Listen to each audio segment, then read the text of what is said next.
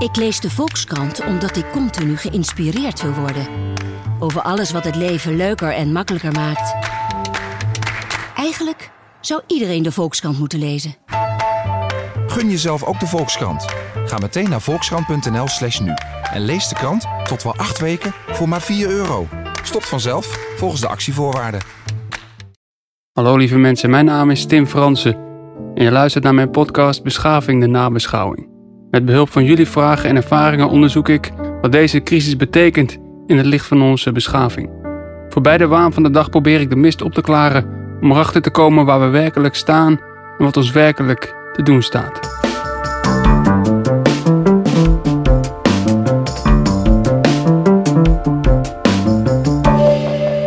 Welkom bij de vierde aflevering van Beschaving de Nabeschouwing.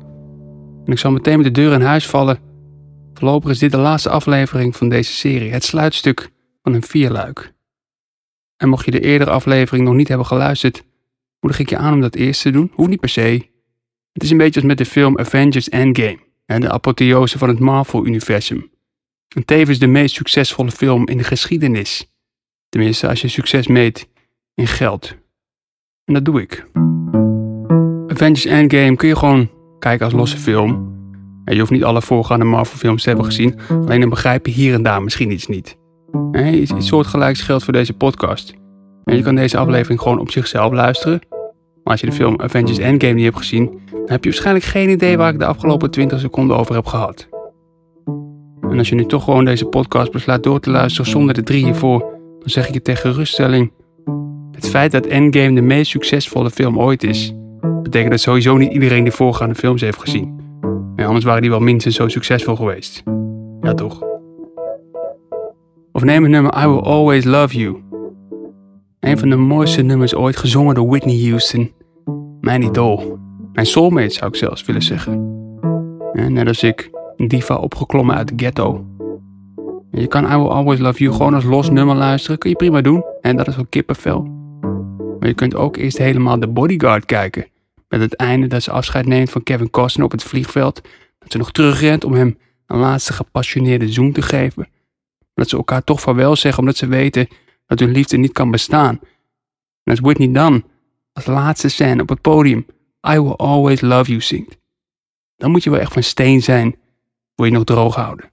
Sterker nog, ik denk dat zelfs een steen denkt, ik weet niet waar het spreekwoord vandaan komt, maar ik moet ook gewoon janken man. Een purist als ik luistert dat nummer nooit, zonder eerst helemaal de bodyguard te kijken. Soms vragen mensen of ik dan en dan kan lunchen. En dan zeg ik nee, helaas, dan kan ik niet. Want die dag luister ik I Will Always Love You zoals het bedoeld is. Maar nogmaals, ik laat het helemaal aan jullie. Hoe dan ook, de logische reden om hierna voorlopig te stoppen met de podcast is het feit dat de eerste golf van het virus min of meer achter de rug is. De horeca is weer open, we lijken toch ineens op vakantie te kunnen. Ik mag mijn beroep als cabaretier weer uitoefenen.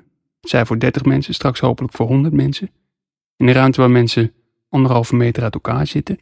Tegelijkertijd illustreert dit de vreemde schemerzone waarin we nu verkeren. Enerzijds lijken dingen weer terug te gaan naar een soort normaal en willen we dat ook maar al te graag geloven. Anderzijds zien we overal de tekenen dat alles nog helemaal niet normaal is. Ik merk dat ik zelf ook graag in de verleiding meega dat alles vanaf dit punt alleen maar beter wordt en dan denk ik, honderden bedrijven zijn bezig met een vaccin, dat kan nooit lang meer duren. En dan komt bijvoorbeeld het moment dat ik een interview lees met Jaap van Dissel in de Volkskrant, dat was vorig weekend. Hij zei, ik citeer, de verwachting dat er binnen een paar maanden een vaccin komt, zou ik willen temperen, omdat het gaat om een klasse virussen waar nog nooit een effectief vaccin tegen is gemaakt. Ja, van Dissel, dames en heren.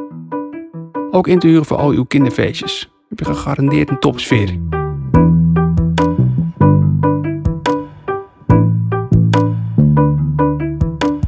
Maar gelukkig vond ik ook goed nieuws.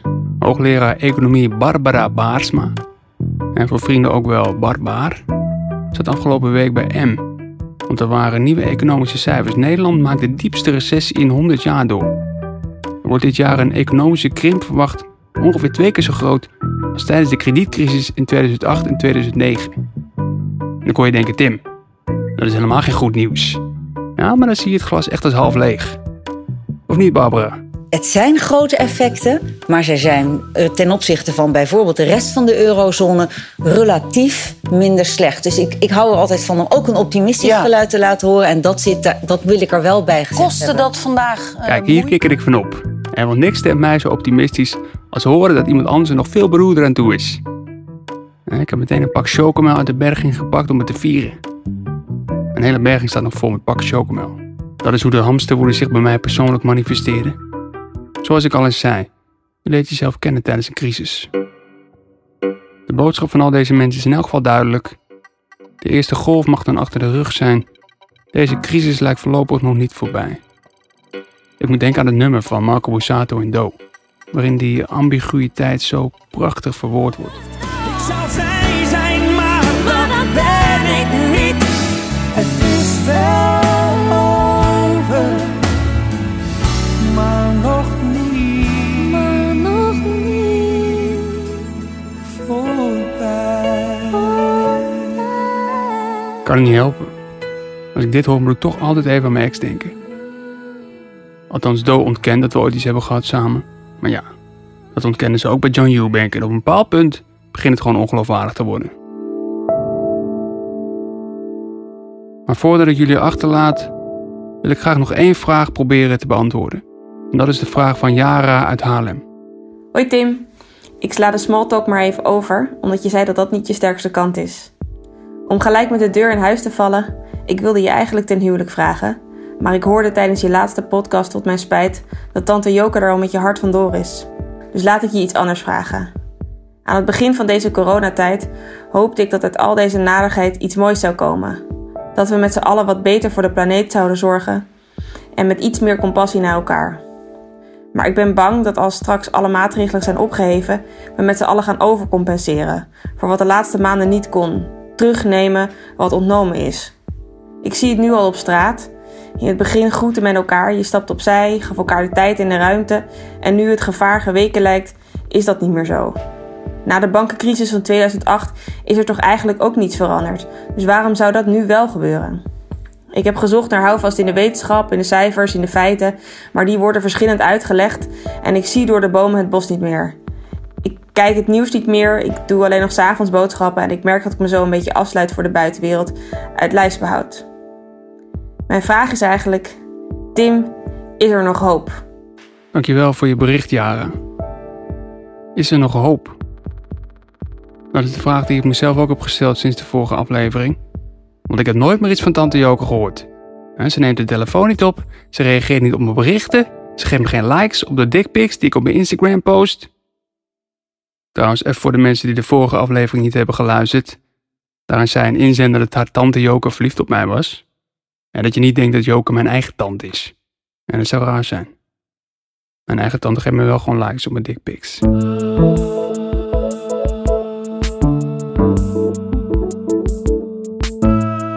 Maar goed, los van mij en tante Joke, is er nog hoop? En die vraag stel je me voor nog gewoon een uitdaging, Jaren. Om twee redenen. Ten eerste, omdat je me geen multiple choice opties hebt gegeven. En dat vind ik altijd een stuk makkelijker, omdat je dan zeker weet dat het juiste antwoord ertussen staat. Maar de belangrijkste reden Kijk, laat ik vooropstellen, ik ga de uitdaging sowieso aanjaren. En een hoopvol einde van het vierluik zal mijzelf ook bijzonder goed uitkomen. Alleen ik twijfel een beetje of ik daar de juiste persoon voor ben. Want ik ben namelijk niet de grootste optimist. Ik bedoel, ik vind het kort door de bocht om mezelf een pessimist te noemen, dan laat ik het zo zeggen. Aan de ene kant zie ik het redelijk somber in voor de toekomst van de menselijke beschaving, maar aan de andere kant is het ook wel een heel gemakkelijk standpunt. Want vroeg of laat gaat het natuurlijk een keer mis. En misschien herinner je je nog van de eerste aflevering. Het verval ligt in de natuurwetten geschreven en de kosmos dooft uiteindelijk uit tot een ijskoude, doodstille plek. Dus uiteindelijk is het eerder de vraag over hoe lang gaat het mis. En wat dat betreft ben ik optimistisch. Dat ik de ondergang nog ga meemaken en kan zeggen... Ik zei het toch, ik krijg 20 euro van je pik.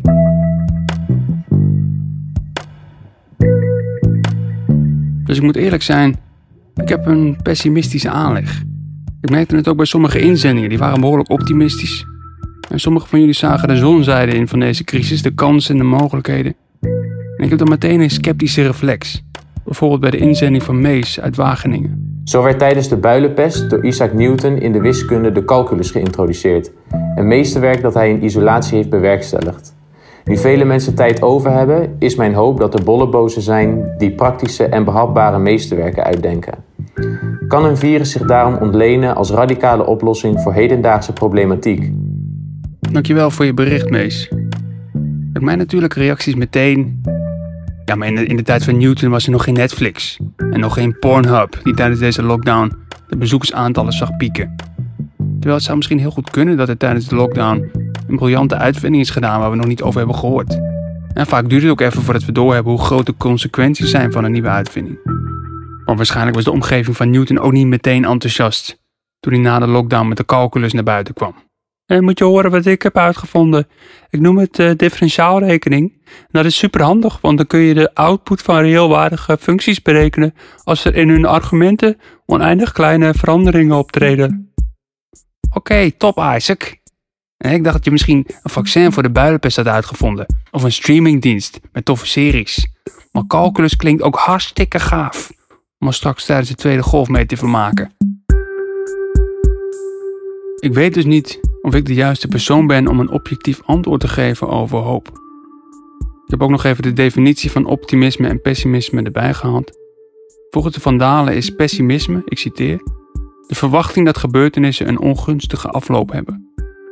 En optimisme is dus, ik citeer, het kinderlijk naïeve geloof in de sprookjeswereld. Ja, het staat echt, mensen. Nee joh, geitje. Nam jullie in het ootje. Ik zal proberen vanaf dit punt onpartijdig te blijven. Optimisme is natuurlijk dan de verwachting dat gebeurtenissen een gunstige afloop hebben. Zoals in een sprookjeswereld. Nee, oké, nu, nu stop ik echt. Ik wil oprecht graag een zo eerlijk mogelijk antwoord vinden op je vraagjaren. Dus de vraag die we dan misschien eerst moeten beantwoorden: hoe komt het nou dat de ene persoon optimistisch is en de ander pessimistisch?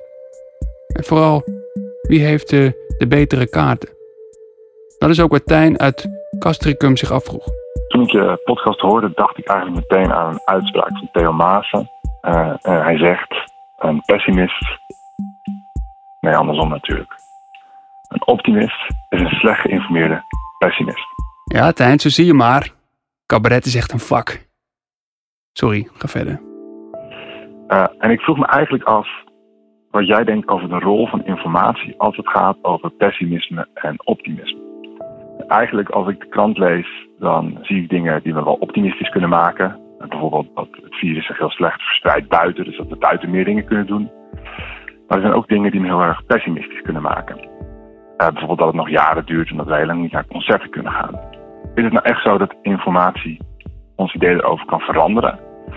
Of zoeken we juist veel bevestiging uh, naar dingen die we al voelen? Dat is een uitstekende vraag, Tijn. Oftewel, is het zo dat de ene of de andere positie meer gebaseerd is op objectieve feiten? Of zoeken we bevestiging voor een gevoel dat we al hadden? Wat we waarschijnlijk allemaal intuïtief wel weten, is dat mensen een hardnekkige neiging hebben om bevestiging te zoeken voor wat ze al vinden en voelen. We willen niet andermans mening horen, we willen onze eigen mening horen in verschillend klinkende stemmen. Maar ik heb aan mezelf geprobeerd te werken. Afgelopen jaar heb ik namelijk een experiment met mezelf uitgevoerd door tegen die neiging in te gaan. Ik was namelijk bezig met een voorstelling over de menselijke beschaving en ik was dus nogal pessimistisch gestemd. Maar in plaats van dat verder te voeden ben ik boeken gaan lezen van optimisten. Mensen als Steven Pinker, Hans Reusling en onze eigen Rutger Bregman. En zij hameren erop dat het gezonde van pessimisten totaal ongegrond is. Om te beginnen geeft het nieuws een gekleurd beeld. Want daar zien we alleen de incidenten en die zijn bijna altijd negatief. Terwijl positieve dingen treden meestal op in trends over een veel langere periode en hebben daarom weinig impact en halen vaak niet eens het nieuws. Uit peilingen blijkt bijvoorbeeld dat de meeste mensen denken dat de criminaliteit de afgelopen decennia is toegenomen, terwijl die in werkelijkheid enorm is gedaald. Sterker nog, als je uitzoomt en naar de statistieken kijkt, is de wereld in vrijwel alle opzichten alleen maar beter geworden. In een lezing aan de TU Delft vat Rutger Bregman de wereldgeschiedenis samen in slechts vijf woorden. Misschien moet ik dan gewoon beginnen met de belangrijkste les van de afgelopen pak een beetje 200.000 jaar in wereldgeschiedenis. Uh, want dat is niet iets wat op het nieuws is. Dat is een les waarvan ik zeg, roep hem ochtends uit bij het wakker worden. Laten we hem centraal zetten in al onze cursussen, inburgeringscursussen, in het middelbaar onderwijs, in het, in het hoger onderwijs. Ehm, het is het belangrijkste eigenlijk wat u moet weten van de afgelopen pak een beetje 200.000 jaar aan wereldgeschiedenis. En die les die heeft eigenlijk slechts vijf woorden. Komt-ie? De grootste les van de afgelopen 200.000 jaar aan wereldgeschiedenis. Vroeger was alles slechter. Ik kom zelf uit op vier woorden. Maar ik kan me heel goed voorstellen hoe het zoiets gaat. En dan zit je thuis voor te bereiden en, dan denk je: Oké, ik ga zeggen. Je kunt de hele wereldgeschiedenis samenvatten in slechts vijf woorden. Vroeger was alles slechter. Biatch! Maar dan sta je daar op het podium en dan voel je: Oké, volgens mij is dit toch niet het juiste publiek. Dus dan laat je biatch achterwege. Maar vervolgens moet je nog een uur aan lezing, terwijl je al je autoriteit kwijt bent, omdat het publiek denkt dat je niet kan tellen. Lekker is dat. Hoe dan ook, iemand als ik moet toegeven dat optimisten hier een punt hebben. Als je naar de geschiedenis kijkt, met name naar de afgelopen 200 jaar, kun je moeilijk zeggen dat de beschaving ten onder gaat. Om het even samen te vatten in iets meer dan vijf woorden, laten we zeggen 219 woorden. 200 jaar geleden leefde 90% van de wereldbevolking in extreme armoede. Tegenwoordig is dat minder dan 10%. Twee eeuwen geleden was slechts een handvol landen democratisch Tegenwoordig is dat een ruime meerderheid van alle landen. En maar tegenwoordig de gemiddelde levensverwachting 71 jaar is, in een welvarend land als Nederland ligt het zelfs boven de 80. Lag twee eeuwen geleden de levensverwachting overal ter wereld rond de 30 jaar. Bovendien had je vroeger geen wasmachine of afwasmachine, waardoor je van die 30 jaar ook nog eens veel meer tijd kwijt was met allerlei klusjes. je had geen podcasts. En dat is wat mij betreft een van de grote zegeningen van de moderne tijd. En dat ik een podcast kan luisteren terwijl ik de afwasmachine uitruim, of tijdens het ophangen van de was, of tijdens het bedrijven van de liefde. Eigenlijk tijdens al die praktische klusjes waar je niet echt bij na hoeft te denken, waardoor ik die tijd nu dubbel productief kan besteden. Daarbij leven we in zo'n beetje de langst vreedzame periode ooit, omdat er sinds 1945 geen oorlog meer is geweest tussen de grote wereldmachten. Oftewel een vrede van 75 jaar, iets wat sinds het Romeinse Rijk niet meer is voorgekomen. En tot slot, het einde van de wereld is al talloze keren voorspeld en telkens bleek dat klinkklare onzin. En ik hoor je denken, dat zijn niet 219 woorden Tim, maar 217. Maar dat komt omdat ik eigenlijk van plan was om te eindigen met... En telkens bleek dat klinkklare onzin. Stel het je moederneukers. In mijn hoofd leek me dat stoer. Maar op het moment zelf voelde ik hoe ongepast het was. Dus uiteindelijk zag ik daar vanaf. Waardoor het nu lijkt alsof ik niet kan tellen. En ik moet misschien nog wel een half uur aan podcast. Lekker is dat.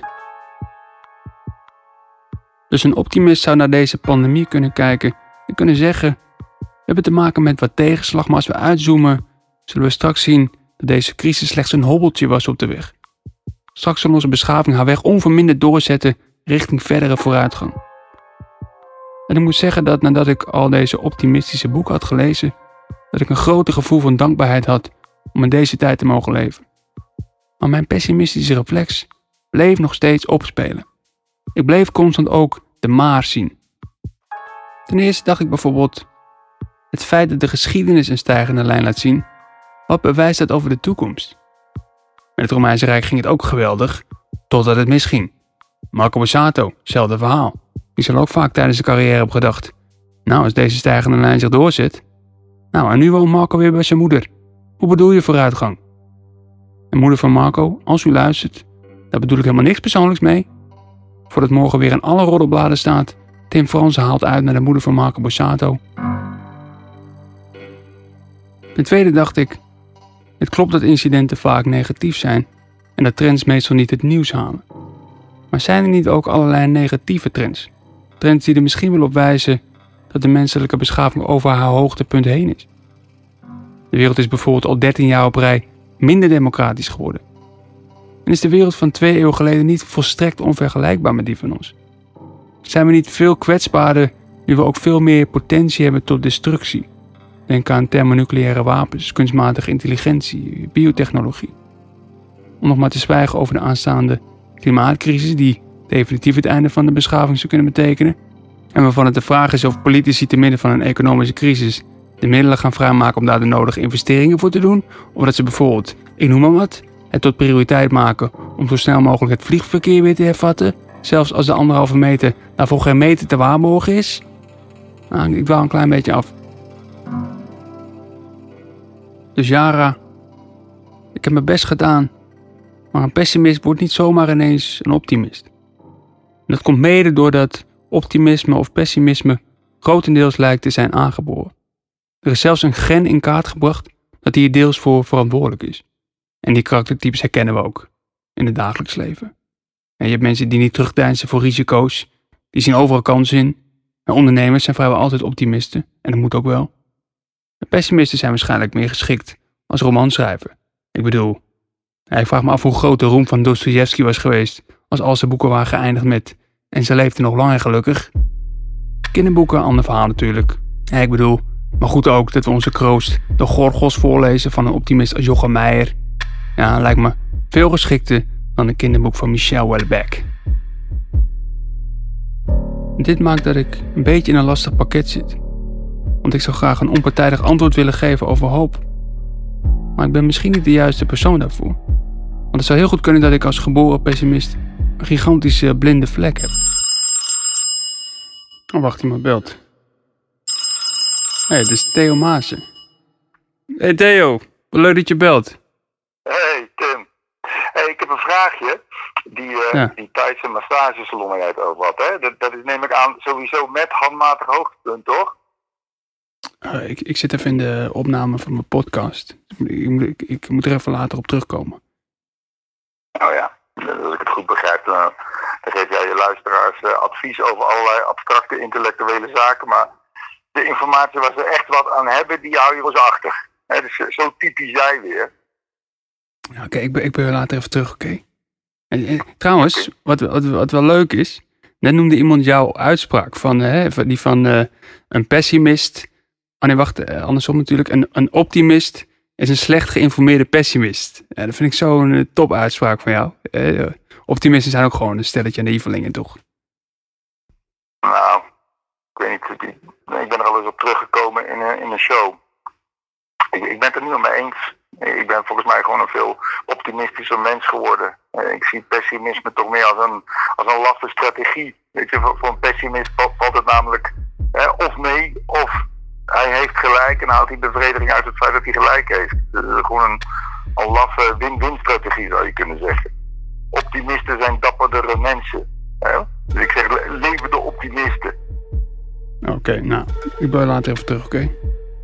Nou, eh, later wel- even snel als het kan. Ja, oké. Joe. Oké, oké, tot zo dan. Ja, Hoi.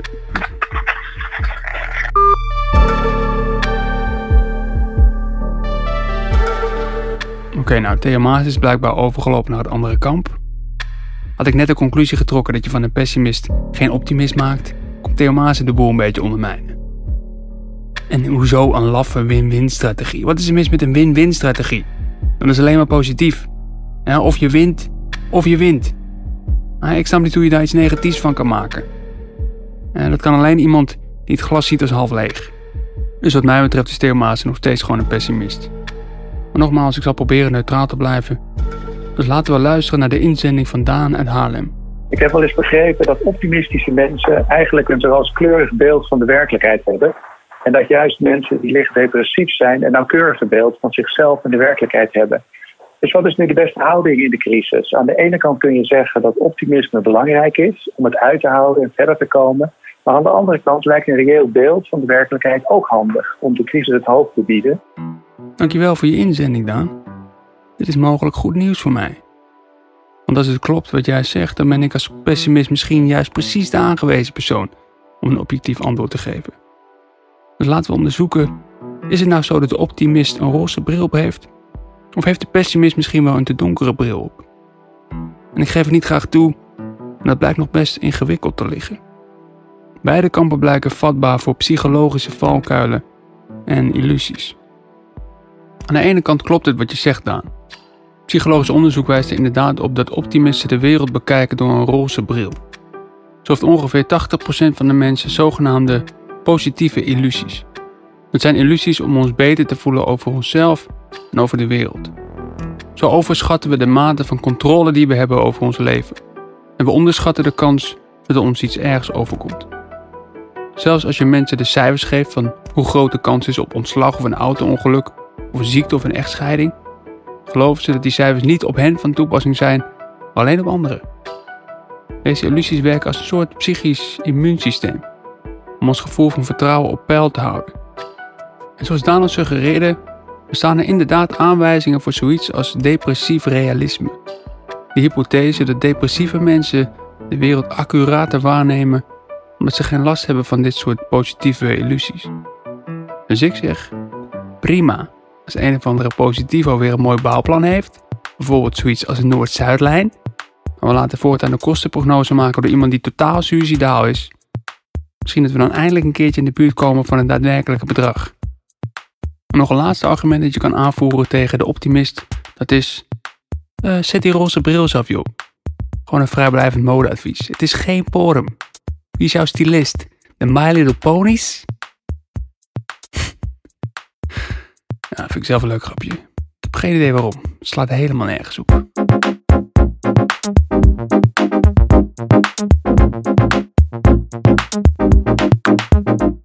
Maar aan de andere kant biedt de psychologie ook argumenten voor het gelijk van de optimist. Jammer genoeg. De optimist kan er bijvoorbeeld op wijzen dat er zoiets bestaat als een negativity bias. Dat betekent dat negatieve gebeurtenissen gevoelsmatig zwaarder wegen dan positieve, waardoor we een vertekend beeld kunnen krijgen van de realiteit. Daarnaast wijst onderzoek erop dat mensen geprogrammeerd zijn tot nostalgie om te denken dat vroeger alles beter was.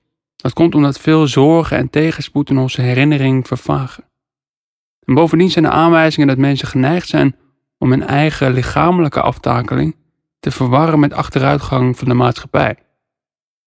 Vroeger was alles beter, zeggen mensen vaak. Maar wat ze eigenlijk bedoelen, vroeger was ik nog jong en vitaal en energiek en kon ik een erectie krijgen op commando. Vroeger waren mijn borsten nog opgewassen tegen de zwaartekracht. En nu niet meer, dus dat moet wel betekenen dat de wereld ten onder gaat. Dus wat betreft de vraag wie de meest accurate blik heeft op de realiteit, de optimist of de pessimist, dan is eigenlijk niet te zeggen. Omdat een neutrale blik op de wereld niet voor ons is weggelegd. De psychologie brengt dus zowel de optimist als de pessimist in diskrediet. En alsof dat nog niet genoeg is, komt er nog iets bij. En dat is de onvoorspelbaarheid van de wereld op zichzelf. Een begrip dat je tijdens deze pandemie misschien voorbij hebt horen komen, dat is dat van de zwarte zwaan.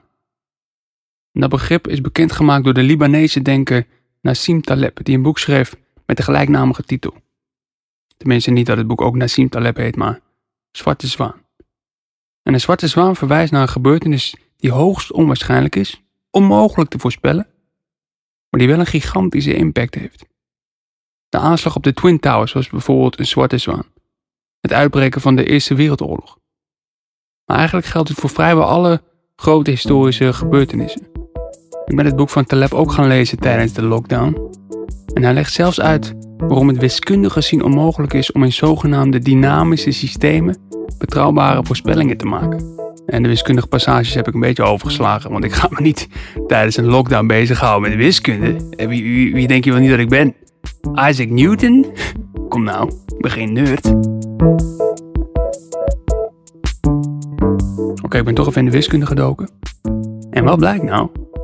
Isaac Newton, met zijn calculus, heeft dus de basis gelegd voor de wiskunde van dynamische systemen.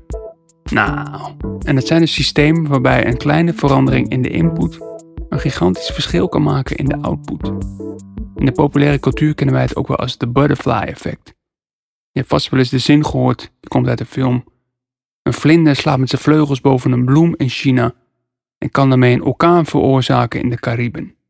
Oftewel, de minieme luchtverplaatsing die een vlinder veroorzaakt met vleugels, kan aan de andere kant van de wereld resulteren in een orkaan. Wat mij betreft ook genoeg reden om alle vlinders systematisch uit te roeien. Maar vervang die vlinder in China door een vleermuis en we zitten niet eens heel ver van de werkelijkheid. Kortom, minieme veranderingen of gebeurtenissen, vaak afhankelijk van toeval, kunnen een gigantische impact hebben. En naarmate de wereld complexer wordt, wordt de wereld alleen maar minder voorspelbaar. Kortom, de toekomst is fundamenteel onzeker. Dat is een pijnlijke conclusie want we verlangen naar grip en houvast. We willen weten waar we aan toe zijn. Maar die kennis kan niemand ons geven, zelfs experts niet. De psycholoog Philip Tedlock, je weet wel, diezelfde Philip Tedlock uit aflevering 2. Een terugkerend personage in deze podcast. Die publiceerde in 2005 een baanbrekend onderzoek over de betrouwbaarheid van experts. Hij had ongeveer 300 mensen geïnterviewd die beroepsmatig advies gaven over politieke en economische tendensen. En Tedlock vroeg aan al die experts in welke richting bepaalde tendensen zouden gaan over een periode van 20 jaar. En de resultaten waren op zijn zachtst gezegd uh, nogal gênant. Ze presteerden namelijk slechter dan dat je op basis van toeval zou verwachten. Dat betekent dat als je bijvoorbeeld in een talkshow iemand een voorspelling ziet doen over de lange termijn, dat het minder zinnig is dan wanneer hij een muntje zou opgooien. Dat is daarom ook wat ik heb gedaan. Toen mijn ex-vriendin in het verliefde stadium van onze relatie vroeg of ik voor altijd bij haar zou blijven. Omdat ik haar het meest betrouwbare antwoord gun. Nou, zij was ziedend. Hè? Ze wilde mijn gevoel weten. Nou, toen heb ik mijn gevoel gezegd, maar ja, eh, zoals te voorspellen was, mijn gevoel zat ernaast. Nou, ik zei het toch. Ik moet bekennen dat het muntje er ook naast zat. Dit is het ongemakkelijke punt waar we nu op uitkomen. Niet alleen bekijken we de wereld door een gekleurde bril, de wereld is ook gewoon fundamenteel onvoorspelbaar. Alsof we nou een optimistische verwachting hebben van de toekomst of een pessimistische, in feite zijn ze allebei even weinig waard. Dus Jara, wat betreft je vraag of er nog hoop is, het eerlijkste antwoord zou zijn om een muntje op te gooien. Maar zoals Daan suggereerde, is er misschien een andere reden om optimistisch te zijn. Los van wat de meest accurate blik is op de werkelijkheid, helpt optimisme ons misschien om de moed erin te houden. Mijn dierbare vriend en voormalig filosoof des vaderlands René Gude had daar iets wijs over te zeggen. Iets wat ook werd aangehaald in een bericht van Cas uit Nieuwegein. Hij zei namelijk: Als je jezelf optimisme aanleert, kan het zijn dat je dingen voor elkaar krijgt waar de pessimist nooit aan begonnen zou zijn. Dat is mooi gezegd. Dit lijkt natuurlijk ook heel erg op wat Whitney Houston zingt in het nummer When You Believe. Who knows what miracles you can achieve when you believe? Alleen we moeten oppassen, want René hanteerde niet dezelfde definitie van optimisme als wij tot nu toe hebben gedaan. Voor hem heeft het namelijk niks met een verwachting van de toekomst te maken en ook niks met geloven dat alles op zijn pootjes terechtkomt. Ik citeer René uit een interview. Een optimist is eigenlijk een optimeerder. Iemand die vindt dat we alle zeilen bij moeten zetten om te verbeteren wat er te verbeteren valt. En die dat doet zonder enige garantie dat het daadwerkelijk goed komt. Einde citaat. Het goede doen zonder de garantie dat het goed komt. Kijk, dit optimisme 2.0, om het zo maar even te noemen, dat is iets voor zelfs een pessimist als ik mee uit de voeten kan. En ten meer omdat René daaraan toevoegt, ik citeer, ik vind optimisme en pessimisme als karaktertrekken niet zo boeiend. Voor mij worden ze interessant als je ze als attitudes ziet. Verworven houdingen die je jezelf hebt aangeleerd. Kijk, dus misschien is dit ook voor mij weggelegd.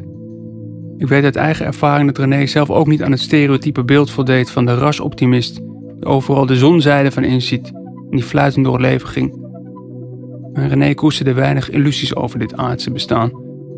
In september 2014, ongeveer een half jaar voor zijn overlijden, vertelde hij de Wereld Door over zijn ongeneeslijke ziekte en hoe hij daarmee omging. Wat mij wel een beetje verbaasde, dat is dat, dat een deel van, van het, het gemak waarmee ik uh, de, de een zeer korte toekomst tegemoet ga, is dat ik uh, het leven ook, uh, dat het leven ook echt zwaar is. Het leven is af en toe gewoon zwaar. En al die tijd zit je daarvan te houden, maar, maar het is eigenlijk misschien niet eens zo'n gekke tip om terwijl je bezig bent van het leven iets te maken, om niet helemaal te vergeten dat het leven ook bewerkelijk is. En een gedoetje. En het idiote is dat datgene wat je, wat je tijdens je actieve leven probeert te overkomen, dat is datgene wat je misschien troost kan geven op het moment dat je eruit gaat. Ik vind het zelf een krankzinnige gedachte, maar laat ik zo zeggen, toen ik deze gedachte bij mezelf aantrof, was ik verbaasd. Mensen die het fragment destijds gezien hebben, zullen het waarschijnlijk niet zijn vergeten. Er is één inzending die ik graag nog aan jullie zou willen laten horen. Van Mark uit Utrecht. Het is een openhartige inzending waar ik zelf het een en ander in herken. ik zou willen kijken of we zowel Mark als Jara misschien een hart onder de riem kunnen steken met ons nieuwe optimisme 2.0. Als er voor mij iets duidelijk wordt in deze crisis waar we in zitten, is dat het voorspelbare, dat zo lang zo onvoorstelbaar leek, waarheid wordt. En dus de, de, de, de tegenstelling tussen iets wat heel voorspelbaar is, want hier zijn uh, genoeg uh, voorspellingen over gedaan. Nou, om een voorbeeld te noemen, de Nederlandse Bank heeft hier in 2006 een hele uitgebreide doorrekening van gemaakt van wat de effecten van een pandemie zouden kunnen zijn. Uh, talloze wetenschappers hebben hier al, al jaren voor gewaarschuwd. Dus het voorspelbaar, het, het, het, is ontzettend voorspelbaar wat er nu gebeurt.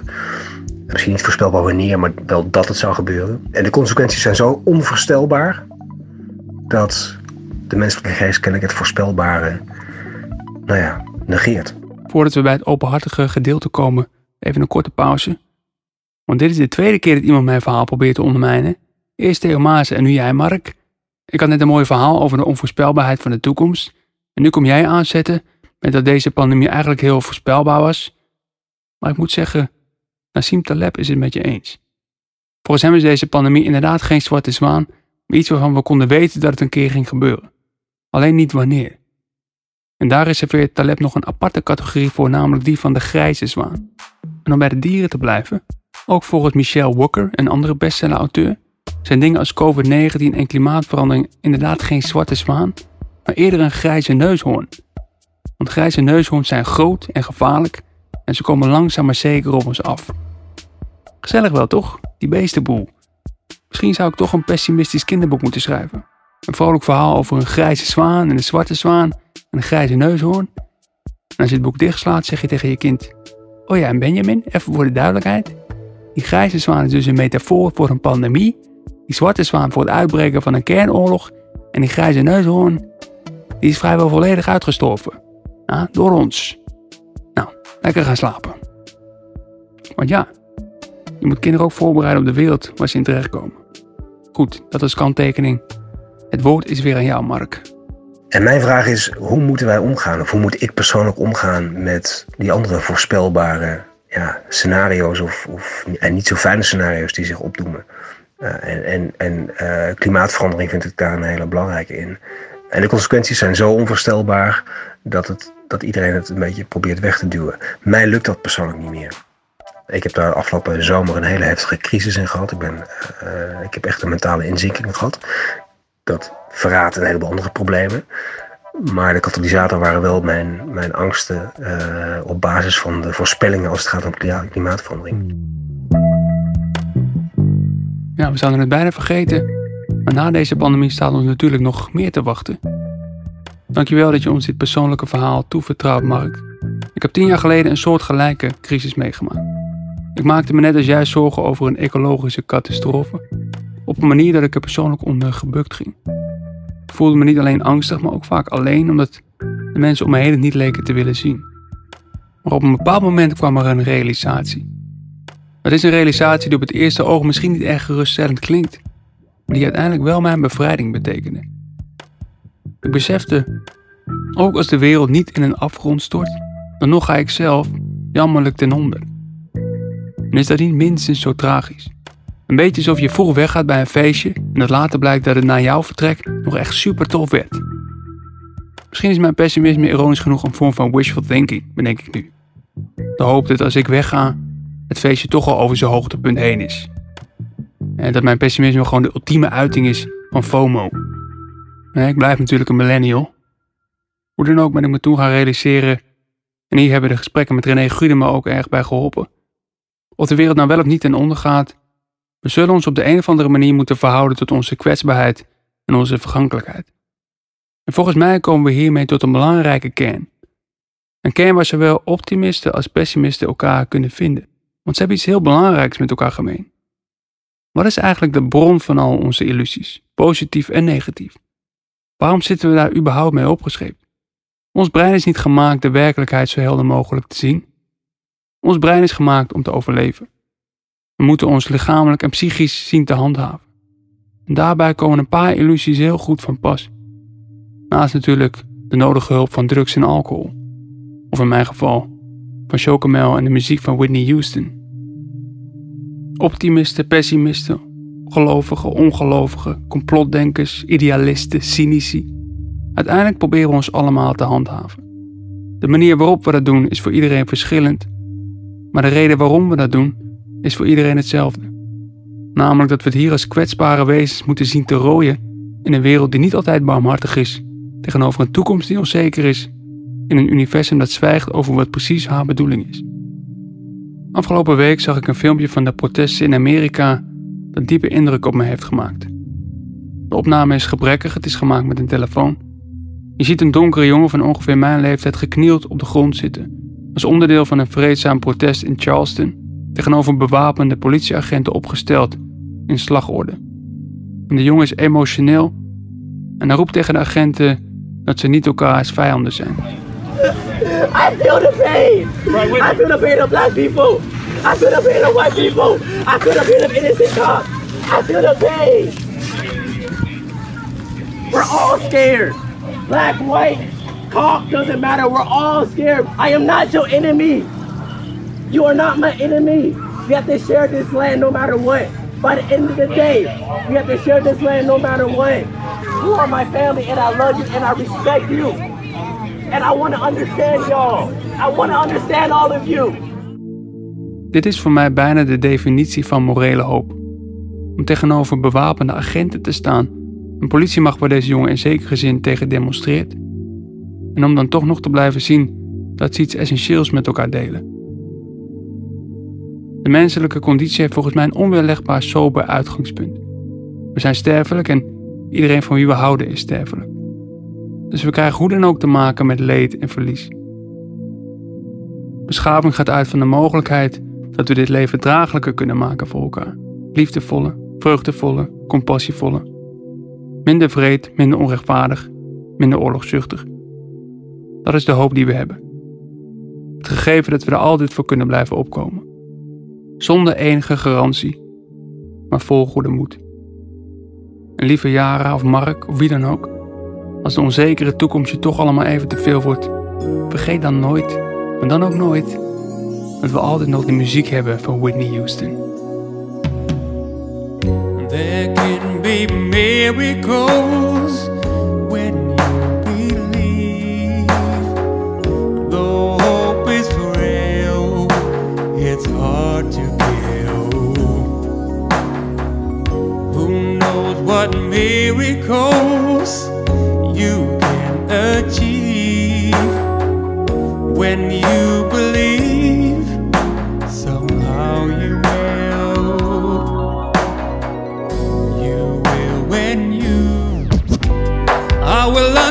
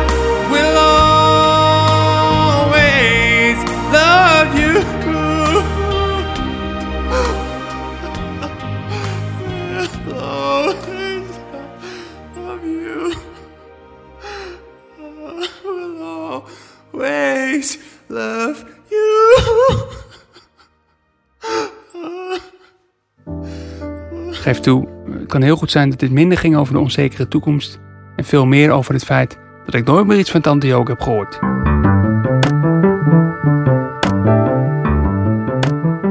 Hoe dan ook wil ik jullie hartelijk bedanken voor het luisteren. Hartelijk dank ook voor al jullie inzendingen, dat heb ik zeer gewaardeerd. Grote dank aan de Volkskrant en uiteraard aan de mensen die onmisbaar waren bij het maken van deze podcast. Rinky Bartels deed de montage, Jasper Slijderink maakte de muziek, Daniel Samkalner was mijn trouwe sparringspartner en speciale dank aan Simone Eleveld en Corine van Duin. Hou je haaks en tot ooit.